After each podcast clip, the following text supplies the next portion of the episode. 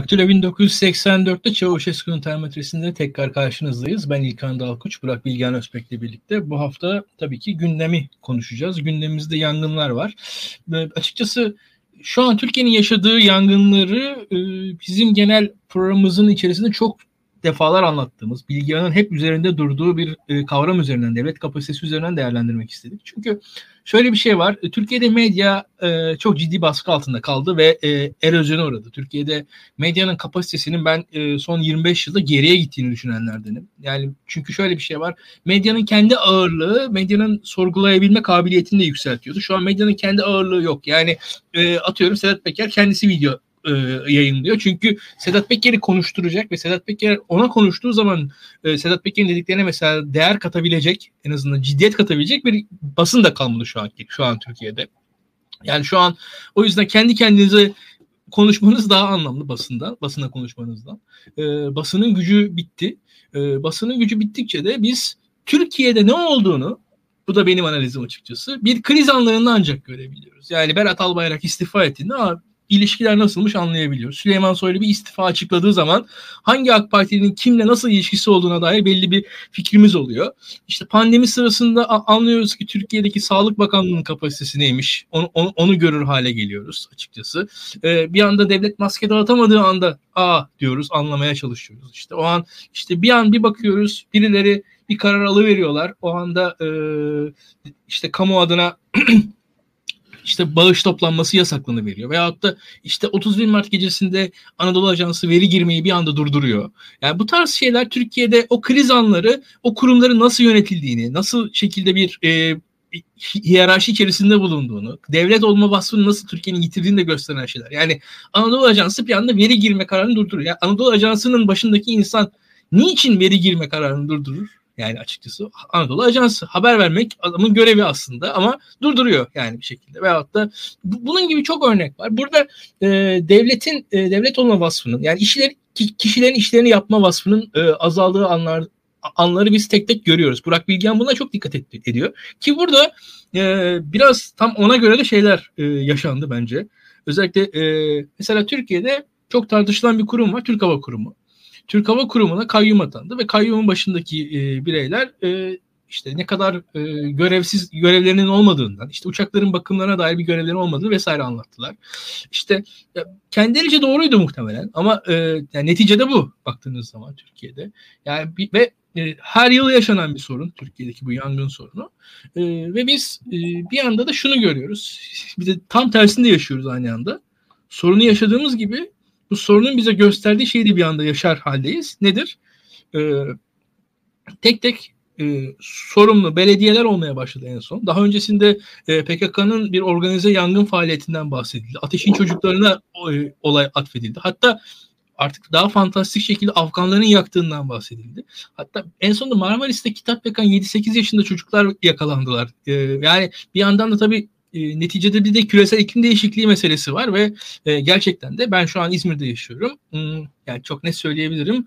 Çok ciddi sıcaklar var. Yani e, ve e, korkunç bir sıcak var ve şu anda e, ufak bir kibrit çaksanız yanar yani. O, o, orada da bir durum var yani onu e, sizin e, yangının ilk çıkış sebebi tartışılır ama yani şu anki e, atmosfer içerisinde de bir yangının kolay yayılabileceğini de öngörebiliyoruz. Bunun için de çok uzman olmaya gerek yok.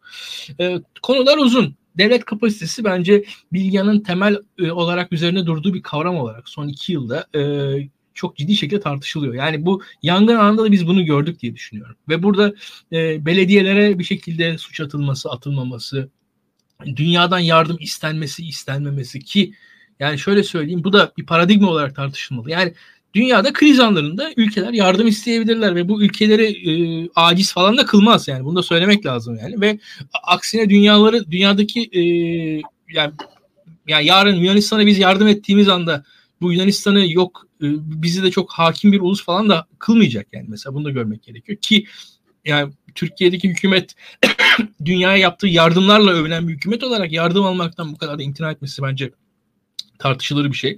E, neyse bu konular uzun. Ben birazcık daha uzattıkça uzatıyorum. E, Bilgehan'dan özellikle bu yangınlara dair e, gördüklerini biraz konuşalım. Onun dediklerinin arkasından ben de devam edeceğim muhtemelen. Evet İlkan doğru kavramlara dikkat çektin. Devlet kapasitesi bu tip kriz anlarında çok sorgulanıyor açıkçası. E, çünkü Türkiye'nin aslında altyapısal iktidarı kuvvetli. Yani Türkiye'nin e, devlet idaresine harcadığı para çok yüksek. Ve aslında e, devlet örgütlenmesi de aslında çok ciddi alınan bir hadise.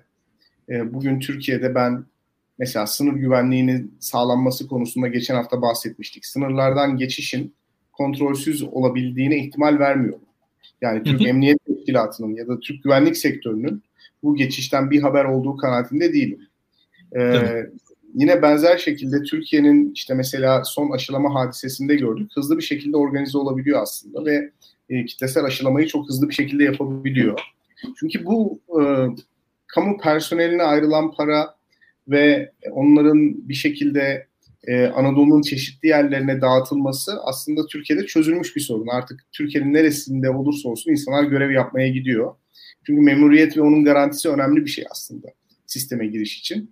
Hani e, Cumhuriyet'in ilk yıllarında köye gitmek istemeyen öğretmen sorunu vardı. Mesela onu köy enstitüleriyle çözmeye çalıştılar. Şu anda bildiğiniz hani Boğaziçi Eğitim Fakültesi mezunu bir öğretmen devlette kadro almak istiyorsa Türkiye'nin en ücra köşesine bile gidebiliyor. Ee, onu ücra köşesine ulaştırabilecek yollar var. Türkiye'nin en ücra köşesinde onu Türkiye'nin geri kalanına bağlayabilecek iyi kötü bir internet altyapısı var. E, Türkiye bu köylerdeki elektrik sorununu yani ya da Türkiye'nin genel itibariyle elektrik sorununu 1960'tan sonra çok ciddi hamlelerle çözmüş bir ülke. Ulaşım, iletişim sorunlarını e, bir şekilde halletmiş bir ülke. Yani çok büyük akut problemlere sahip değil. Dolayısıyla Türkiye'nin topluma e, toplumun kılcal damarlarına inme, orayı organize etme gibi bir problemi yok. Ve Türkiye'nin toplumsal yapısı da açıkçası Türkiye'de devletle çok fazla itişip e, e, inatlaşmaya uygun da değil. Yani açıkçası devletin koyduğu kurallara uymaya eğilimli bir e, toplumsal yapı var. Yani o uyumu seven de bir bir toplumsal kitle var. Dolayısıyla devletin herhangi bir kararı alması, uygulaması ve toplumun da bunu benimsemesi çok zorlu bir süreç içerisinde gerçekleşmiyor. Şimdi bu altyapısal iktidarın yalnız daha etkin bir şekilde kullanabilmesi için bir de ülkelerin rejim şekli, yönetim şekilleri var. Şimdi mevcut potansiyeli kullanabilecek e, irade olması gerekiyor. Türkiye'nin sorunu bence altyapısal iktidarında değil, yani Cumhuriyet'in kuruluşuyla beraber aşama aşama taş üstüne taş koyarak oluşan o altyapısal iktidar değil, e, tam e, olarak bu altyapısal potansiyeli kullanabilecek irade meselesi. Çünkü bütün bu altyapısal yatırımlar aslında ulusun genel refahı için, ulusun genel güvenliği için seferber edilmesi gereken e, e, faktörlerden oluşuyor. Ancak rejimin şekli, yönetimin iradesi ulusun menfaatinden ziyade kendi küçük dar kliğinin menfaatini öncüllemek üzerine kurulduğu zaman altyapısal e, potansiyeli bir şekilde kullanma e, ihtimalleri azalıyor ya da kullanma gücü azalıyor. Türkiye'de tam olarak bunu görüyoruz. Yani e, aslında e, devletin teşkilatı, kamuya harcanan para, bir şekilde toplumun biraz önce dediğim gibi kılcal damarlarına sirayet etme yeteneği, onu dönüştürebilme, onu bir şekilde kayıt altına alma, izleyebilme ve bir, bir şekilde onu şekillendirebilme yeteneği çok yüksek. Ancak devlet bunu kolektivitenin menfaati yerine kendi küçük dar kliğin kendisini yöneten küçük dar kliği için seferber etmiş durumda. Yani bu teşhisi burada doğru koyalım. Yani Türkiye'de aslında devletin zafiyeti dediğimiz şey devleti zafiyete uğratan hükümetin beceriksizliği veya kötü niyeti ikisinden bir tanesi. Yani bunun ismini doğru koyalım. Yoksa Türkiye'de devlet kapasitesi e, bence yüksek. Türkiye 80 milyon, 85 milyon insanı bir şekilde huzur içerisinde yaşatabilecek yeteneklere de sahip. Devlet teşkilatına da sahip. Herhangi bir düzenlemeyi yapma, uygulama yeteneğine de sahip. Yani Türkiye'yi Orta Doğu ülkelerinden ayıran e, önemli özelliklerden bir tanesi bu. O yüzden son zamanlarda mesela failed state tartışması var. Failed state demek arkadaşlar bu altyapısal iktidarın da hiç olmaması demek. Hı hı. Yani failed state demek mevcut altyapısal iktidarı kötü yorumlayan, yanlış yorumlayan veya bencilce yorumlayan bir hükümet idaresi altında paralize olmuş devlet demek değil. Failed state, Etiyopya gibi mesela posta teşkilatının olmaması demek. Ya da evet.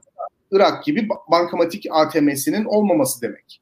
Ya da Orta Doğu'nun bazı memleketlerinde olduğu gibi işte e, vergi e, belgelerinin olmaması demek. Mesela ben Libya'ya gittiğim zaman failed state'i çok dibine kadar görmüştüm. Tam Arap Baharı günlerinde gitmiştim ben oraya ilk ee, Devlet Petrol Şirketi'ne ait bir bina var. Oraya birileri çökmüş, otel yapmış. Biz orada kalıyorduk. Ee, restoranda yemek yiyoruz. Normal restoran yemek çıkartmaya devam ediyor. Mesela yemeği yedikten sonra parasını e, pazarlık yaparak ödüyorsunuz. Standart bir ücret tarifesi yok. Çok enteresan bir şey. Parayı ödedikten sonra size verdikleri bir belge yok. Ee, yani ortada kayıt altına alınmış bir ekonomi yok. Mesela Türkiye bu açıdan bir fail state değil arkadaşlar. Yani evet çok hoşumuza gidebilir. Hani Türkiye'yi böyle başarısız olmuş bir devlet gibi göstermek. Yani Türkiye'de başarısız olmuş bir devlet değil. Türkiye'de başarısız olmuş bir hükümet var. Ya, ve başarılı e... bir devleti olabildiğince başarısız kılmak için gayret sarf eden bir hükümet var. Şimdi çok basitçe bir şey söyleyeyim. Türkiye Cumhuriyeti Devleti bir anda şunu söylüyor. Ben İHA'larımla e, işte dağlarda gezen e, işte iki tane PKK'lıyı gördüm. Onu ondan sonra F-16 geldi operasyon yaptı. Şimdi dağda yürüyen iki kişiyi görebilen bir devlet. Yani dağda yürüyen iki kişiyi görebilen bir devlet var şu anda baktığınızda. Böyle evet. bir gücü var ve bir yandan da yürüyerek gelen binlerce insan var Afganistan sınırda. Şimdi bu e, teknik olarak aslında sınırı kontrol edebiliyor mu edemiyor mu?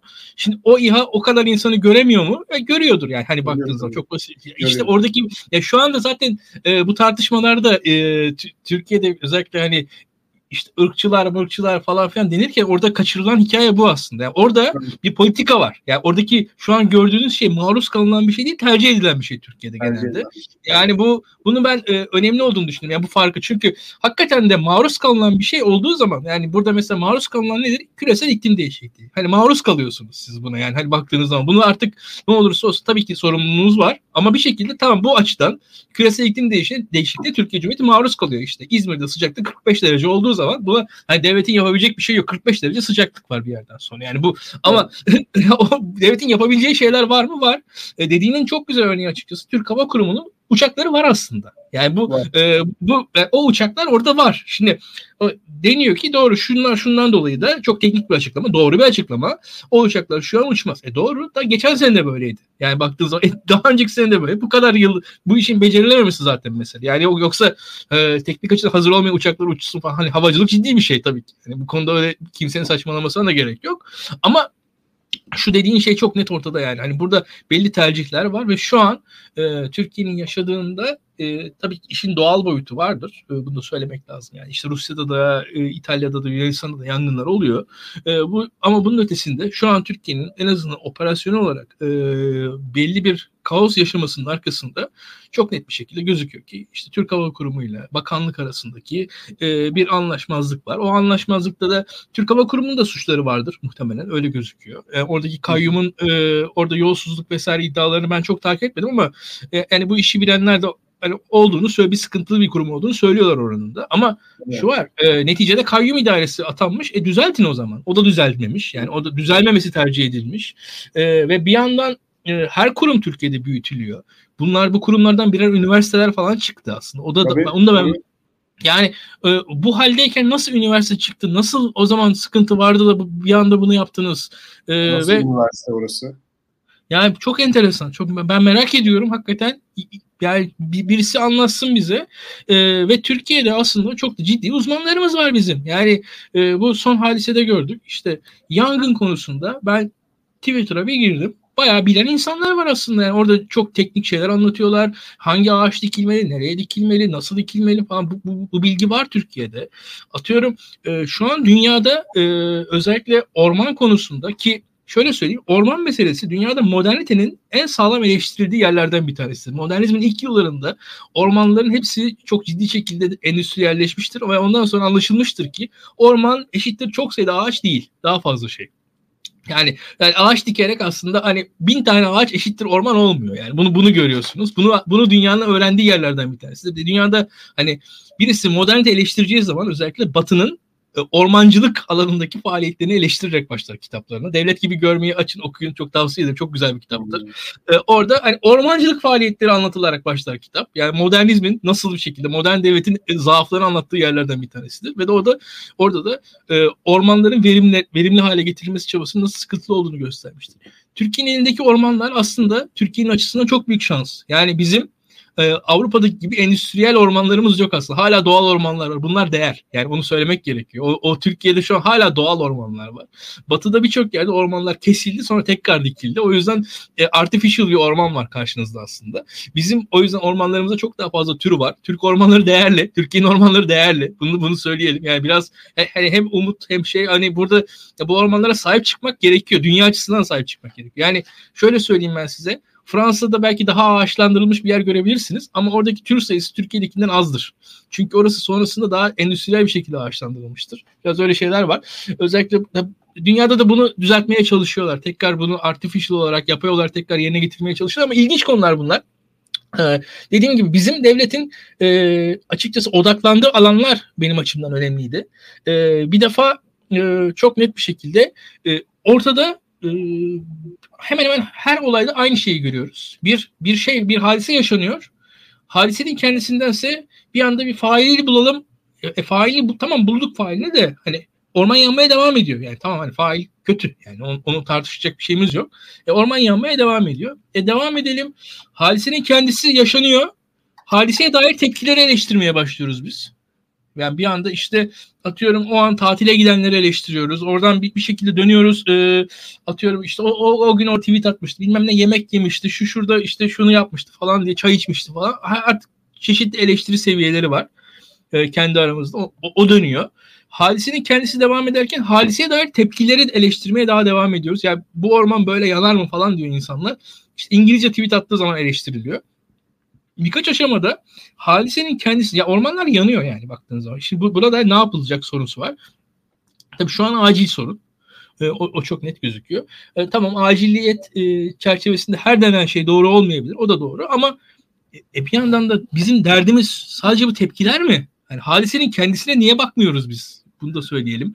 Ya bu, bu Türkiye'nin e, benim açımdan e, bu işte daha önce mülteci meselesinden bahsetmiştik. İşte atıyorum daha sonrasında ondan önce pandemi meselesindeki tek tek hadislerden bahsetmiştik. Kapanmalardan, maskelerden, aşılardan bahsetmiştik. Yani e, buradaki biz bu tepkileri konuşmaya yönlenmiş, neredeyse artık e, kodlanmış bir şekilde bir topluluk haline geldik. Yani evet. bir, bir olay oluyor, biz olaya dair tepkileri konuşuyoruz. Ya yani bu ülke tam anlamıyla şey gibi böyle bir e, Ahmet Çakar'ın programında, futbol programında maça dair hiçbir şey olmaz ama bir tartışma döner.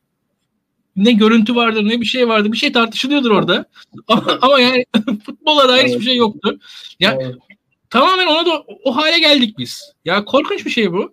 Ee, bilemiyorum bu ülkenin tartışma kültürünü de gösteren bir şey. Yani e, bundan kurtulmak gerekiyor diye düşünüyorum ben. Ne dersin? Geçen hafta ben bir programda bunu ele aldım. Yani Türkiye bu psikolojiyle hiçbir meselesini çözemez. Çünkü e, şöyle bir tuzağın içerisine düşüyoruz. Aslında yaşadığımız hadiseler yani mesela pandemi bu AK Parti'nin ortaya çıkarttığı bir şey değil. Yangın da öyle. E, fakat e, maruz kalınan bu durumla e, uğraşabilmesi için ya da onun üstesinden gelebilmesi için bizim yetkilendirdiğimiz bir hükümet var. Ya hayat böyle bir şey. Hayatı krizden arındıramayız. Hayat her zaman bizim beklendiğim, bek, beklediğimiz gelişmeleri bize sunamaz ve aslında bizim seçtiğimiz hükümetler sadece beklediklerimiz değil, beklemediklerimize karşı da seçtiğimiz hükümetlerdir.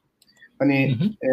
E, liderlerin karizmasını ölçmek için hep soru sorulur ya, uzaylı istilası olduğu zaman hangi liderin e, ülkenin başında olmasını istersiniz? Yani en beklenmedik durumda e, kimin sizi yönetmesini isterseniz o aslında topluma daha fazla güven veren e, bir liderdir. Şimdi ona karşı sen de bir şey sormuştun İlkan hatırlarsan. Hani çocuğunuzu hangi lidere bırakıp sinemaya gidersiniz evet. diye. O aslında çok temel bir ayrıma işaret eder.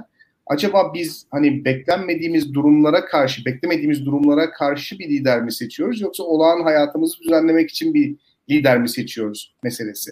Bence ikisinin de orta noktası var. Yani bir siyasi lider, bir siyasi parti, bir siyasi hareket çok olağan durumlara karşı da hazırlıklı olmalı olağanüstü durumlara karşı da hazırlıklı olmalı. Yani ikisinin ortalaması bence bir liderin e, hani gerçek hani toplum tarafından arzula, arzulanıp arzulanmadığını ya da popülaritesini ölçmemize e, yardımcı olur. Dolayısıyla her zaman böyle hani beklen beklenilen gelişmelere karşı da tepki verecek bir hükümet değil. Aynı zamanda böyle doğaüstü hadiselere karşı, doğaüstü demeyeyim de doğal doğal afetlere karşı e, veya beklenmedik hani e, hadiselere karşı da tepki verecek bir hükümet e, arıyoruz. Fakat işte o tepki meselesi Türkiye'de çok tatmin edici bir şekilde işlemiyor. Yani deprem olduktan sonra, yangın çıktıktan sonra veya pandemiden sonra hükümet insanların arzu ettiği şekilde davranamıyor. Şimdi bu işin bir boyutu. Bu hükümetin yönetim kapasitesiyle alakalı yaşadığı problemler. Bunu mutlaka konuşacağız.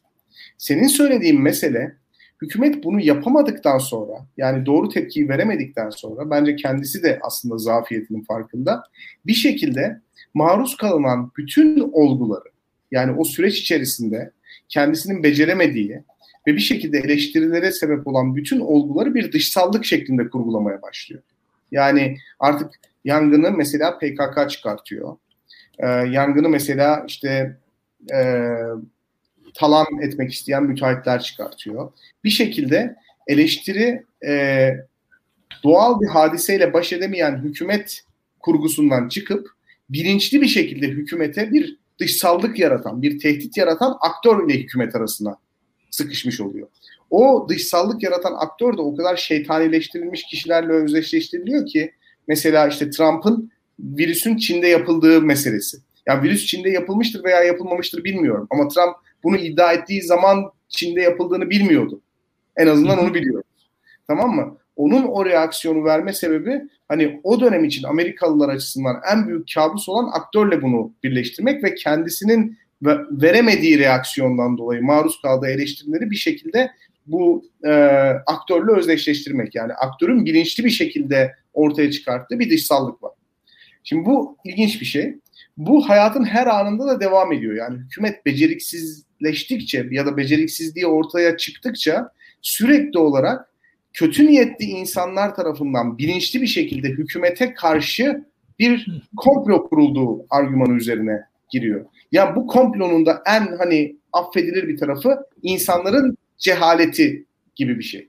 Hani süpermarketlerde halen daha maskesiz insanlar var. Veya insanlar hükümeti zorda bırakmak için işte e, maskesiz geziyorlar. Arasında bir yerde tartışma gidip geliyor.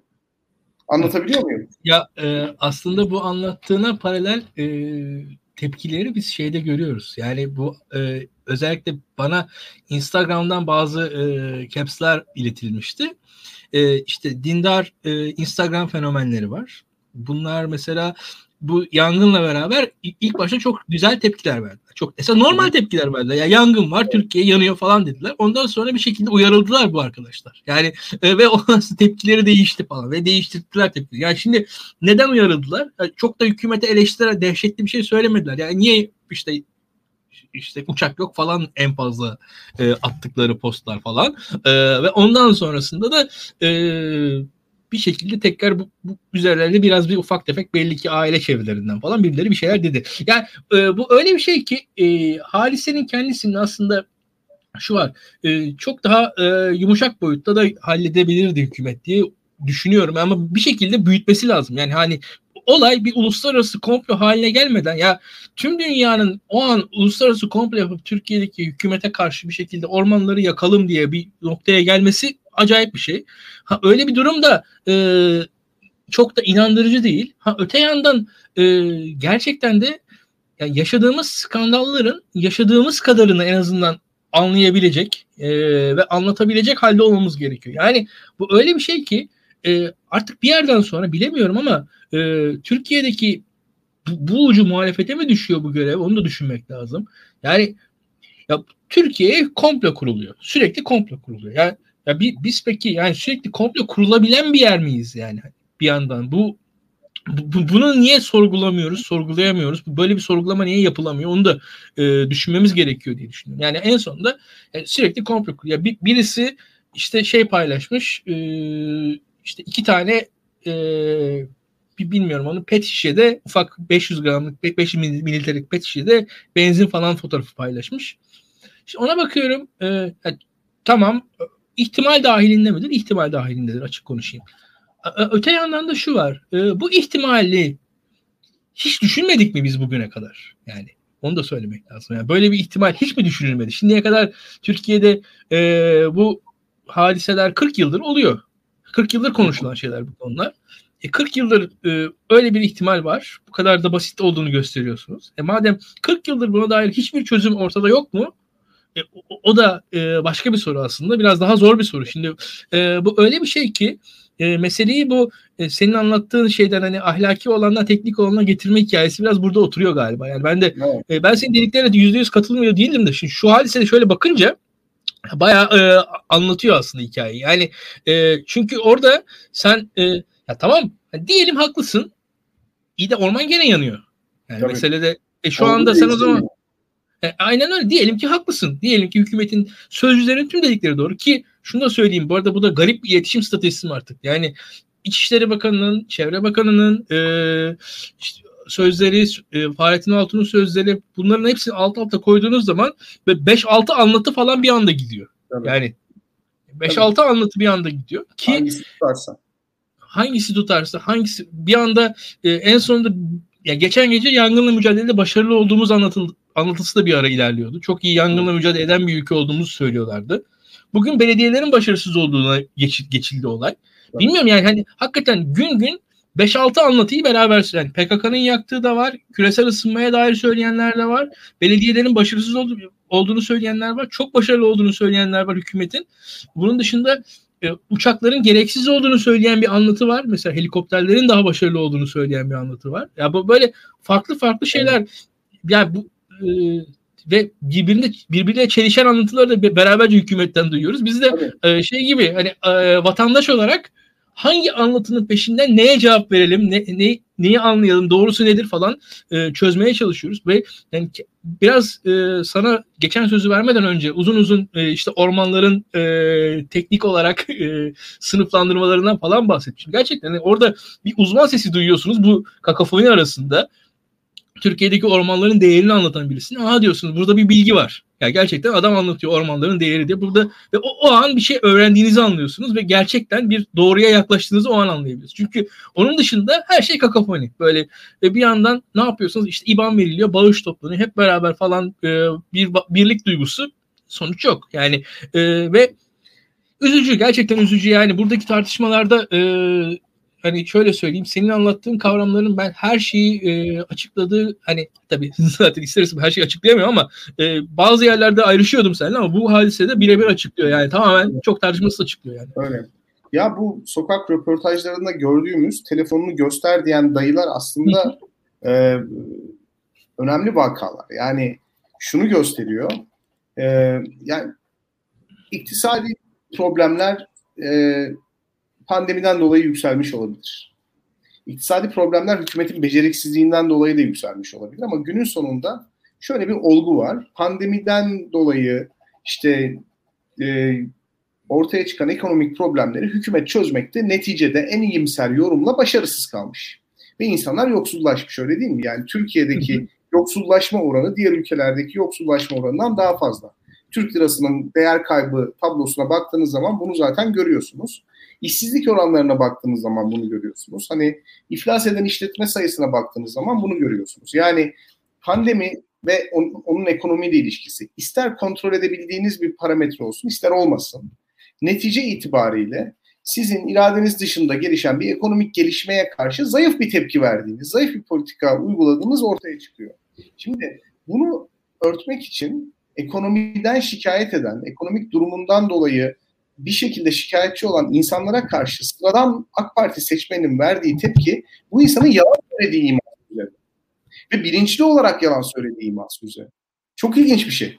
Yani ekonomiyi kötü gösterme gibi bir niyeti olan genç topluluğu var ve bunların amacı da ekonomi falan değil. Zaten bunların durumu iyi. Ceplerinde binlerce liralık telefonlar var. Bunlar bilinçli olarak bunu yapıyor diyorlar.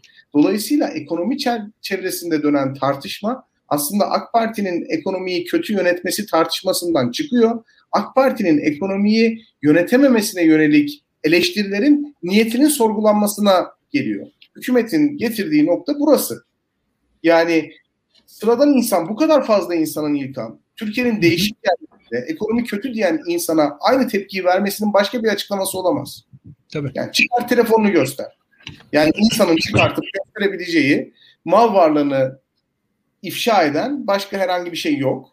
Yani üzerinde telefonunu veya saatini taşır. Saat artık böyle e, çok şey değil yani çok kullanılmıyor. Cep telefonu çok daha popüler bir servet göstergesi ve insanlar ilk olarak bu tepki çıkar telefonu görüyor. Bunun sebebi şu. AK Parti'nin maruz kaldığı bir hadiseye karşı verdiği tepkide bir zafiyet yok. Bunu eleştirmeyi bırakın bir kere. Asıl sorun sizin bu meseleyi ele alış biçiminiz ve sizin kötü niyetli oluşunuz. Cebinizde bu kadar paralı telefonlar varken siz AK Parti'yi bununla eleştiremezsiniz. Şimdi bunu alalım. E, son yangınlarla mücadeleye uyarlayalım. Şimdi Semih, Semih Kaptanoğlu değil mi? Şu evet. yönetmen. Mesela onun attığı tweet hayırlı işler. Orada işte orman yanıyor. işte bir grup insan yemek yiyor. Şimdi bunu daha önce AK Parti o kadar çok yaptı ki mesela göçmenler geliyor Suriye'den. Bir grup kadın yoga yapıyor mesela. Platin saçlı, seküler belli. İşte buradan bir vicdan sömürüsü yapıyorlar. Ama aynı göçmenleri mesela ben görüyorum. Çukurambar'da dileniyorlar. Hemen karşısında AK Partili müteahhit takımı nargile içiyor mesela. Bu ahlaki bir problem olmuyor. Hiç kimsede de görmedim yani onun kepsini, fotoğrafını falan görmedim. Yani direnen Suriyeli sığınmacı veya göçmenin yanında böyle yeni et lokantasından çıkmış göbeğiyle, ağzında kürdanla, elinde nargilesiyle bir AK Parti'yi bir karşıtlık içerisinde sunma meselesini görmedim. Yani yoga bedava baktığınız zaman. Yani yoga yaparken hiçbir şey tüketmiyorsunuz. Ama platin saçlı, body giymiş bir kadın yoga yaptığı zaman hemen sosyetik olarak kodlanıyor. İşte e, Suriyeli göçmenlerle bir tenakkuz içerisinde tanımlanıyorlar. Bir karşıtlık içerisinde tanımlanıyorlar. Oradan bir şey çıkartıyor. Yani insani dramların sorumluluğu yoga yapan kadınların üzerine atılıyor. Şimdi bu Semih Kaptanoğlu'nun mesela attığı tweet tamamıyla AK Parti psikolojisine hitap eden bir tweet. Yani adam orada çok bence AK Partililiğin en radikal noktasında olabilir. Yangınların sorumluluğunu ona karşı duyarsız olan turistlerden çıkartıyor. Belki o insanlar Türk bile değil bu arada. Onu da söyleyeyim. Belki Alman turist geldi. Ama bilmiyoruz ama Türkiye olarak yansıtıyor. İşte e, biz artık o anda AK Parti'nin niçin yangın söndürme uçağı almadığını, Türk Hava Kurumu'nun niçin modernize etmediğini, kayyumun orada ne iş yaptığını, işte ne bileyim belediyelerle niçin koordine olmadığını falan hiç bunları konuşmadan başlıyoruz ağaçlar yanarken sohbet edip yemek yiyen insanlara saldırmaya. Anlatabiliyor ya, muyum? Şimdi tabii. bu neyi beraberinde getiriyor? Şunu da söyleyeyim. Bu insanlar ağırlıklı olarak AK Parti'nin aslında bu konudaki beceriksizliğini konuşan insanlar. AK Partililerin gözünde. Yani bugün Twitter'da bu işi konuşan adamlar işte AK Parti'nin kültür savaşındaki muarızları, rakipleri ve genel itibariyle oradaki insanlar konuşuyor bunu. O profil konuşuyor. Öyle düşünüyorlar. Ama o profil aynı zamanda ağaçlar yanarken bir şekilde yemek yiyor. Yani o kadar samimiyetsizler ki telefonda bu tweet'i atarlar fakat yanı başlarında yangın devam ederken onlar yemeklerine devam ederler. Şimdi bütün meseleyi öldüren şey bu. Yani Kesinlikle. yangın meselesi, işte orman çeşitliliği meselesi, buna karşı nasıl tedbirlerin alınacağı, kurumların zafiyeti, işte ne bileyim belediyelerle koordinasyon, her neyse bütün bu mesele tartışmaktan, meseleler tartışmanın alanından çıkıyor. Bunu tartışmaktan çıkıyoruz ve biz başlıyoruz nefretimizi aynı süpermarkette maske takmayan insanlara nasıl yönelttiysek, nasıl sokaklarda birbirimizi ihbar ettiysek, şimdi nefretimizi ağaçlar yanarken yemek yiyip şarap içen insanlara yöneltmeye. Ya e, o kadar e, güzel söyledin ki ki ben bunu şöyle ifade etmiştim mesela pandemi sırasında bir grubu bir grup kendisini böyle umrecilerin peşine takıldı. Bir, bir diğer grup parklarda e, oturup şarap içenlerin peşine takıldı. Herkes birbirini ihbar ediyor böyle. Sürekli ihbar fotoğraflarıyla timeline doldu. Böyle. Bakıyorsunuz ya bu, bu ne? Ülkede bir devlet var. Bunun sorumluluğu yok mu? Hiç tamam biz devleti bıraktık. Herkes karşı komşusunu ihbar ediyor. O hale geldi. O, o maske takmıyor, bu, bu şey yapmıyor. Bu, bu çok acayip bir şey var. Hiç kimsenin hani herkes sorumluluğu bir ihbarcı muhbir vatandaş olarak ele almış durumda. Oradan o Yani şu an anlattığın şey açık konuş. O Semih Kaplan'ın tweet'i de şeyden farksız. Yani işte e, Maçka Demokrasi Parkı'nda eğlenen insanların fotoğrafını paylaşmaktan farksız. Yani e, onu çıkar şey. göster diyen dayıdan farksız abi. Bak tabii, daha tabii, tabii. Onu çıkar Öyle. göster diyen dayıdan farksız. Ya, e, bir yandan da şunu da söylemek lazım. E, şu an telefonunu çıkar göster diyen dayı da şu an artık o da aslında e, bir doğal hal değil. Yani bunu görmek lazım. Çünkü e, biz bizim e, yakın çevremizde bu birazcık mizahi bir öğe olarak anılsa da bu arkadaş mesela bu tarz insanlar karşı tarafta ya çok güzel cevap vermiş diye görülüyor ve aynı videolar o tarafta da izleniyor ve o tarafta da yani e, lafı güzel yerine koyduğu işte karşı tarafı bir teorik olarak yendiğini düşünerek ve o videoları beğenerek izleyen AK Partililer de var. E, çünkü ben artık başka türlü bir açıklaması yok bunun. Çünkü o e, telefonunu çıkar göster şeyini ben 4-5 yerde falan da görmeye başladım. Artık her yakında sokakta bizim de telefonumuzu alıp karıştıracak evet. insanlar herhalde. E, onu tahmin ediyorum şu anda. Bayağı alışkanlık oldu herhalde. Ki dediğin şey bu açıdan önemli. E, hani söylem üretme ve söylemi e, kopyalayarak yayma konusunda da AK Parti'nin nasıl bir e, esasında bir mekanizması, bir orada bir dinamiği olduğunu da gösteriyor bu. Yani orada aslında aynı söylem kopyalanıyor ve aynı söylem e, farklı e, unsurlar tarafından e, yayılıyor burada. E, bu da onun bir parçası diye düşünüyorum ben. Yani oradaki o bu basit telefon şeyi bile e, diskuru bile tekrar tekrar ediliyor yani karşı karşı alakasız insanlar tarafından. E, bu da e, ayrıca not edilmeli diye düşünüyorum. Valla Türkiye'de inan e, bizim e, sorunlarımızı normal şekilde konuşmamızın önünde bu e, tartışma kültürümüz engel haline gelmiş durumda. Yani evet. ülkede sorunlar var. Yani ülkede diyelim ki Türk Hava Kurumu'na dair mesela hükümetin gelecek vizyonu nedir bilmiyoruz. E, burada baktığınız zaman bu uçaklar dair söylenen şeylerin önemli kısmının yanlış olduğu ortaya çıktı. E, bir şekilde belli çözümler işte atıyorum e, Türk Hava Yolları bir tarafı, e, bir tarafı Türk Silahlı Kuvvetleri, Türk Hava Kuvvetleri. Yani burada jandarmanın deniz kuvvetlerinin de hava kuvvetleri, ha, hava gücü var. Mesela kara kuvvetlerinin de hava, kara havacılığı var vesaire. Türkiye'de havacılık yapan bayağı şirket var. Bunun hepsinin esasında belli kapasiteleri var. Bu kapasiteler ortaklaşa kullanılabilir. Belli e, yani Türkiye'nin işte teknolojik kapasitesi de bu, bu tarz şeylere yeterli ki dediğin de çok doğru ki şu anda e, Orman Genel Müdürlüğü'nün ciddi bütçesi var. Bayağı milyar liradan bahsedilen bütçesi var. Yani burada 51, Türkiye 51 milyar lira. 51 milyar lira. Şimdi buradaki bu para e, az bir para değil. Bu paradan e, Türkiye uçak da alır, e, uçağı da işletir de e, sıkıntı da yaşamaz. Yani bir uçakta hani e, aldığınız zaman 50 yıl kullandığınız bir alet bu uçaklar özellikle yani hani hatta öyle söyleyeyim bakımı düzgün yapıldıktan sonra e, bu tarz uçaklar öyle e, öyle mekanizma ki Ha şunu da söyleyeyim yani yarın bir gün doğru düzgün organizasyon yaparsınız bu uçakları kiralayarak da halledebilirsiniz. O, hani o da mümkündür. Evet. Onu da ben e, teknik olarak onunla kesin uçağımız olmalıdır da diyen birisi de değilim yani. Hani birisi anlatır. İşte bu yangın mevsimi yılda 3 ay bizim 12 ay boyunca bu uçağı elimize tutmamız mantıklı değildir diyebilir bir tane bir, bir, bir argüman olarak. Bu da makul olarak anlatılır. İnsanlara bu maliyet tablosu ortaya konur. Ha birisi de der ki sen her yıl kiralıyorsun onun yerine bir defa satın alsan aslında daha mantıklı. Bu da söylenebilir. E, işte atıyorum Türkiye'nin havacılık kapasitesi artsın. Bu yüzden kullanılabilir bu uçaklar denebilir. E, yani farklı farklı argüman ama bu tartışma yapılsın mesela. Biz bu tartışmadan ne, neden mahrum kalıyoruz? Evet. O da önemli. Mahrum, şunun için mahrum kalıyoruz. Ben şöyle düşündüm onu e, İlkan. Şimdi AK Parti'nin sosyolojiyle ilgili bir problemi var. Çünkü otoriterleşmenin e, ön koşulu olarak doğru sosyolojiyi inşa etmek olduğunu düşünüyor. Şimdi bu aynı zamanda Lipset'in 60'larda söylediği işte demokrasinin sosyal temelleri argümanına dayanıyor. Hı. Demokrasinin sosyal temelleri olduğu kadar otoriterliğin de sosyal temellerinin olması gerekiyor. Şimdi o otoriterleşme, demokrasi ve sosyoloji e, üçgeninde şöyle bir durum var. E, mesela toplumların devlet kavramıyla sorunlu ilişkisi demokratikleşmeyi çok önleyen bir şey e, kadiri mutlak devlet anlayışına sahip olan toplumlar gerçekten demokrasi, demokrasiyi çok rahat benimseyemiyorlar. Bu devletin her eylediğinin koşulsuz, e, koşulsuz, sorgusuz, sualsiz bir şekilde doğru olduğu bir e, hepimizin tekil aklının daha ötesinde bir aklın sonucu olduğu devleti yönetme rütbesi alan kişilerin aniden birdenbire zeki insanlara dönüştüğü veya sadece çok zeki insanların bu rütbeyi aldığı varsayımına dayanıyor.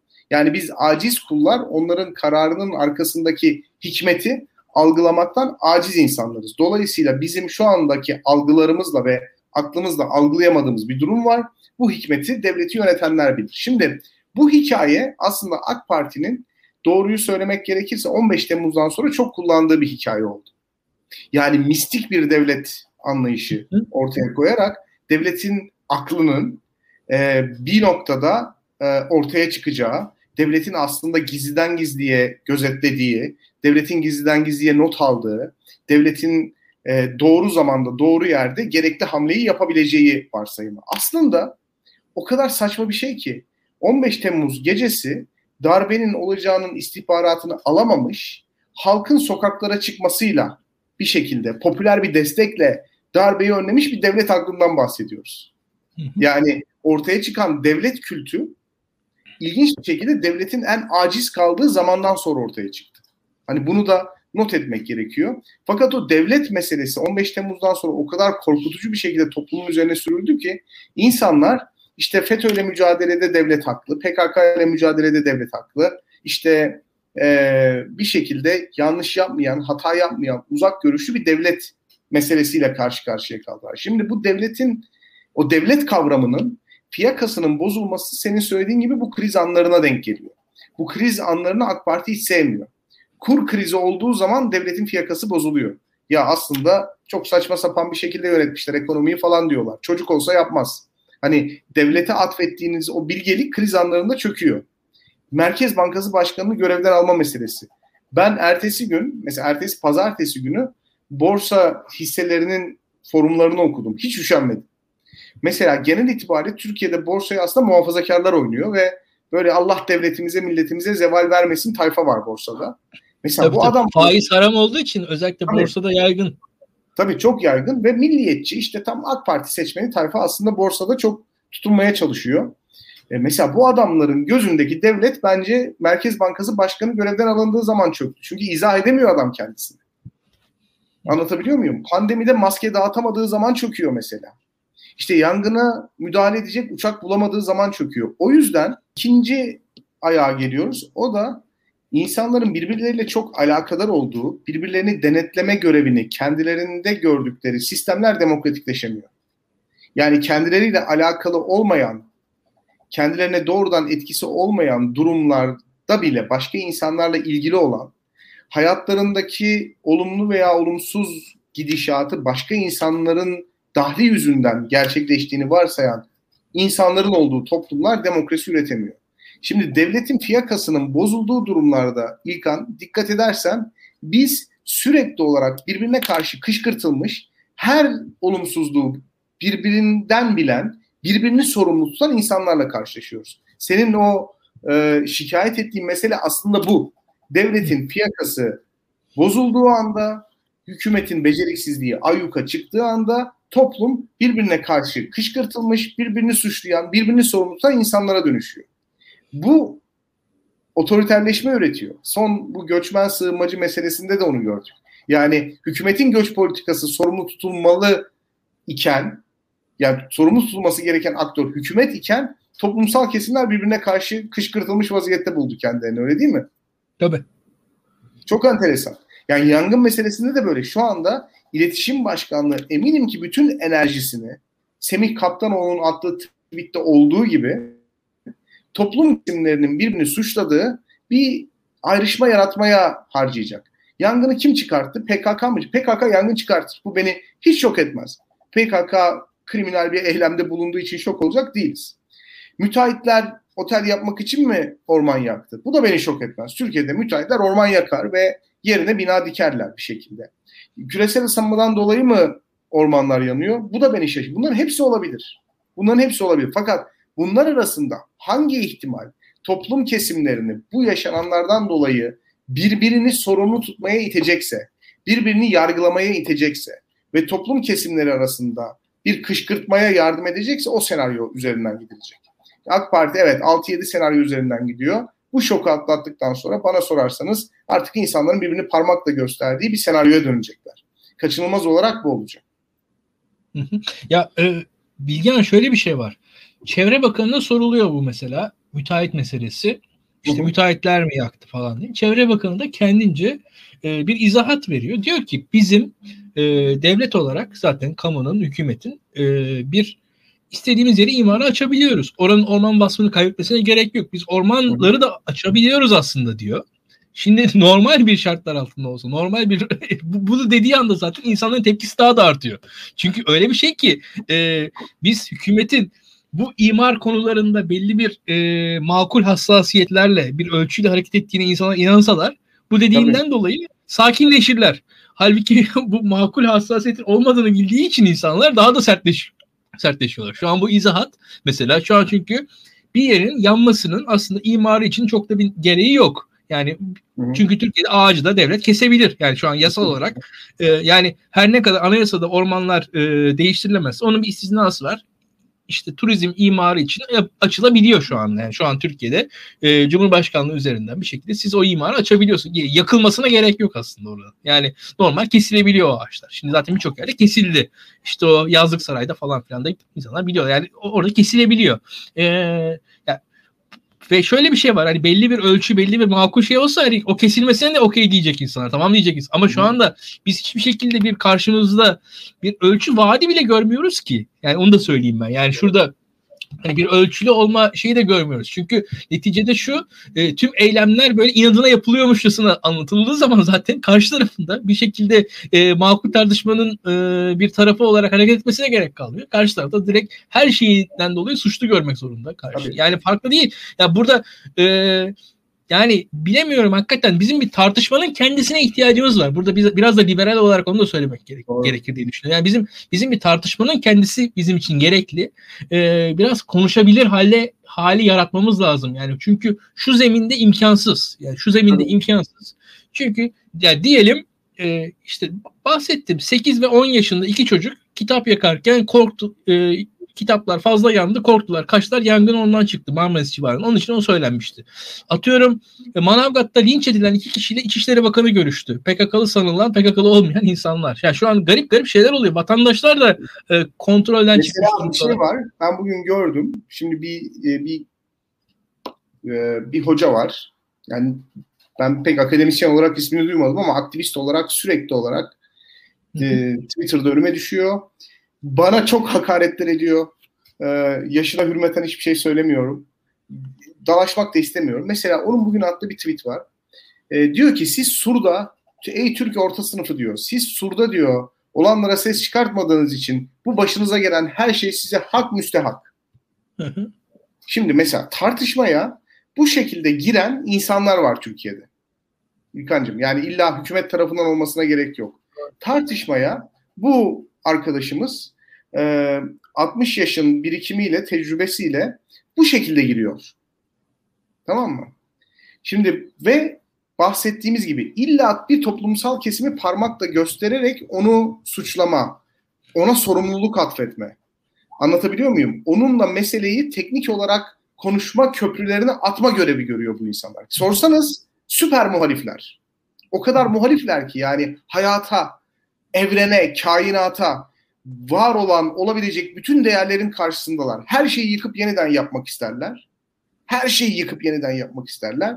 Fakat bu söylediklerinin yangın konusunda hükümeti sorumlu tutmaktan bizi uzaklaştırdığının farkında değiller bu arkadaşlar. Yani Çok doğru. Herhangi bir yerel gazetecinin İlkan'cığım yani şöyle söyleyeyim herhangi bir Manavgat yerel gazetecisinin Orada Manavgat Belediye Başkanı'nın açtığı telefonlara e, bir şekilde karşılık alamaması haberi.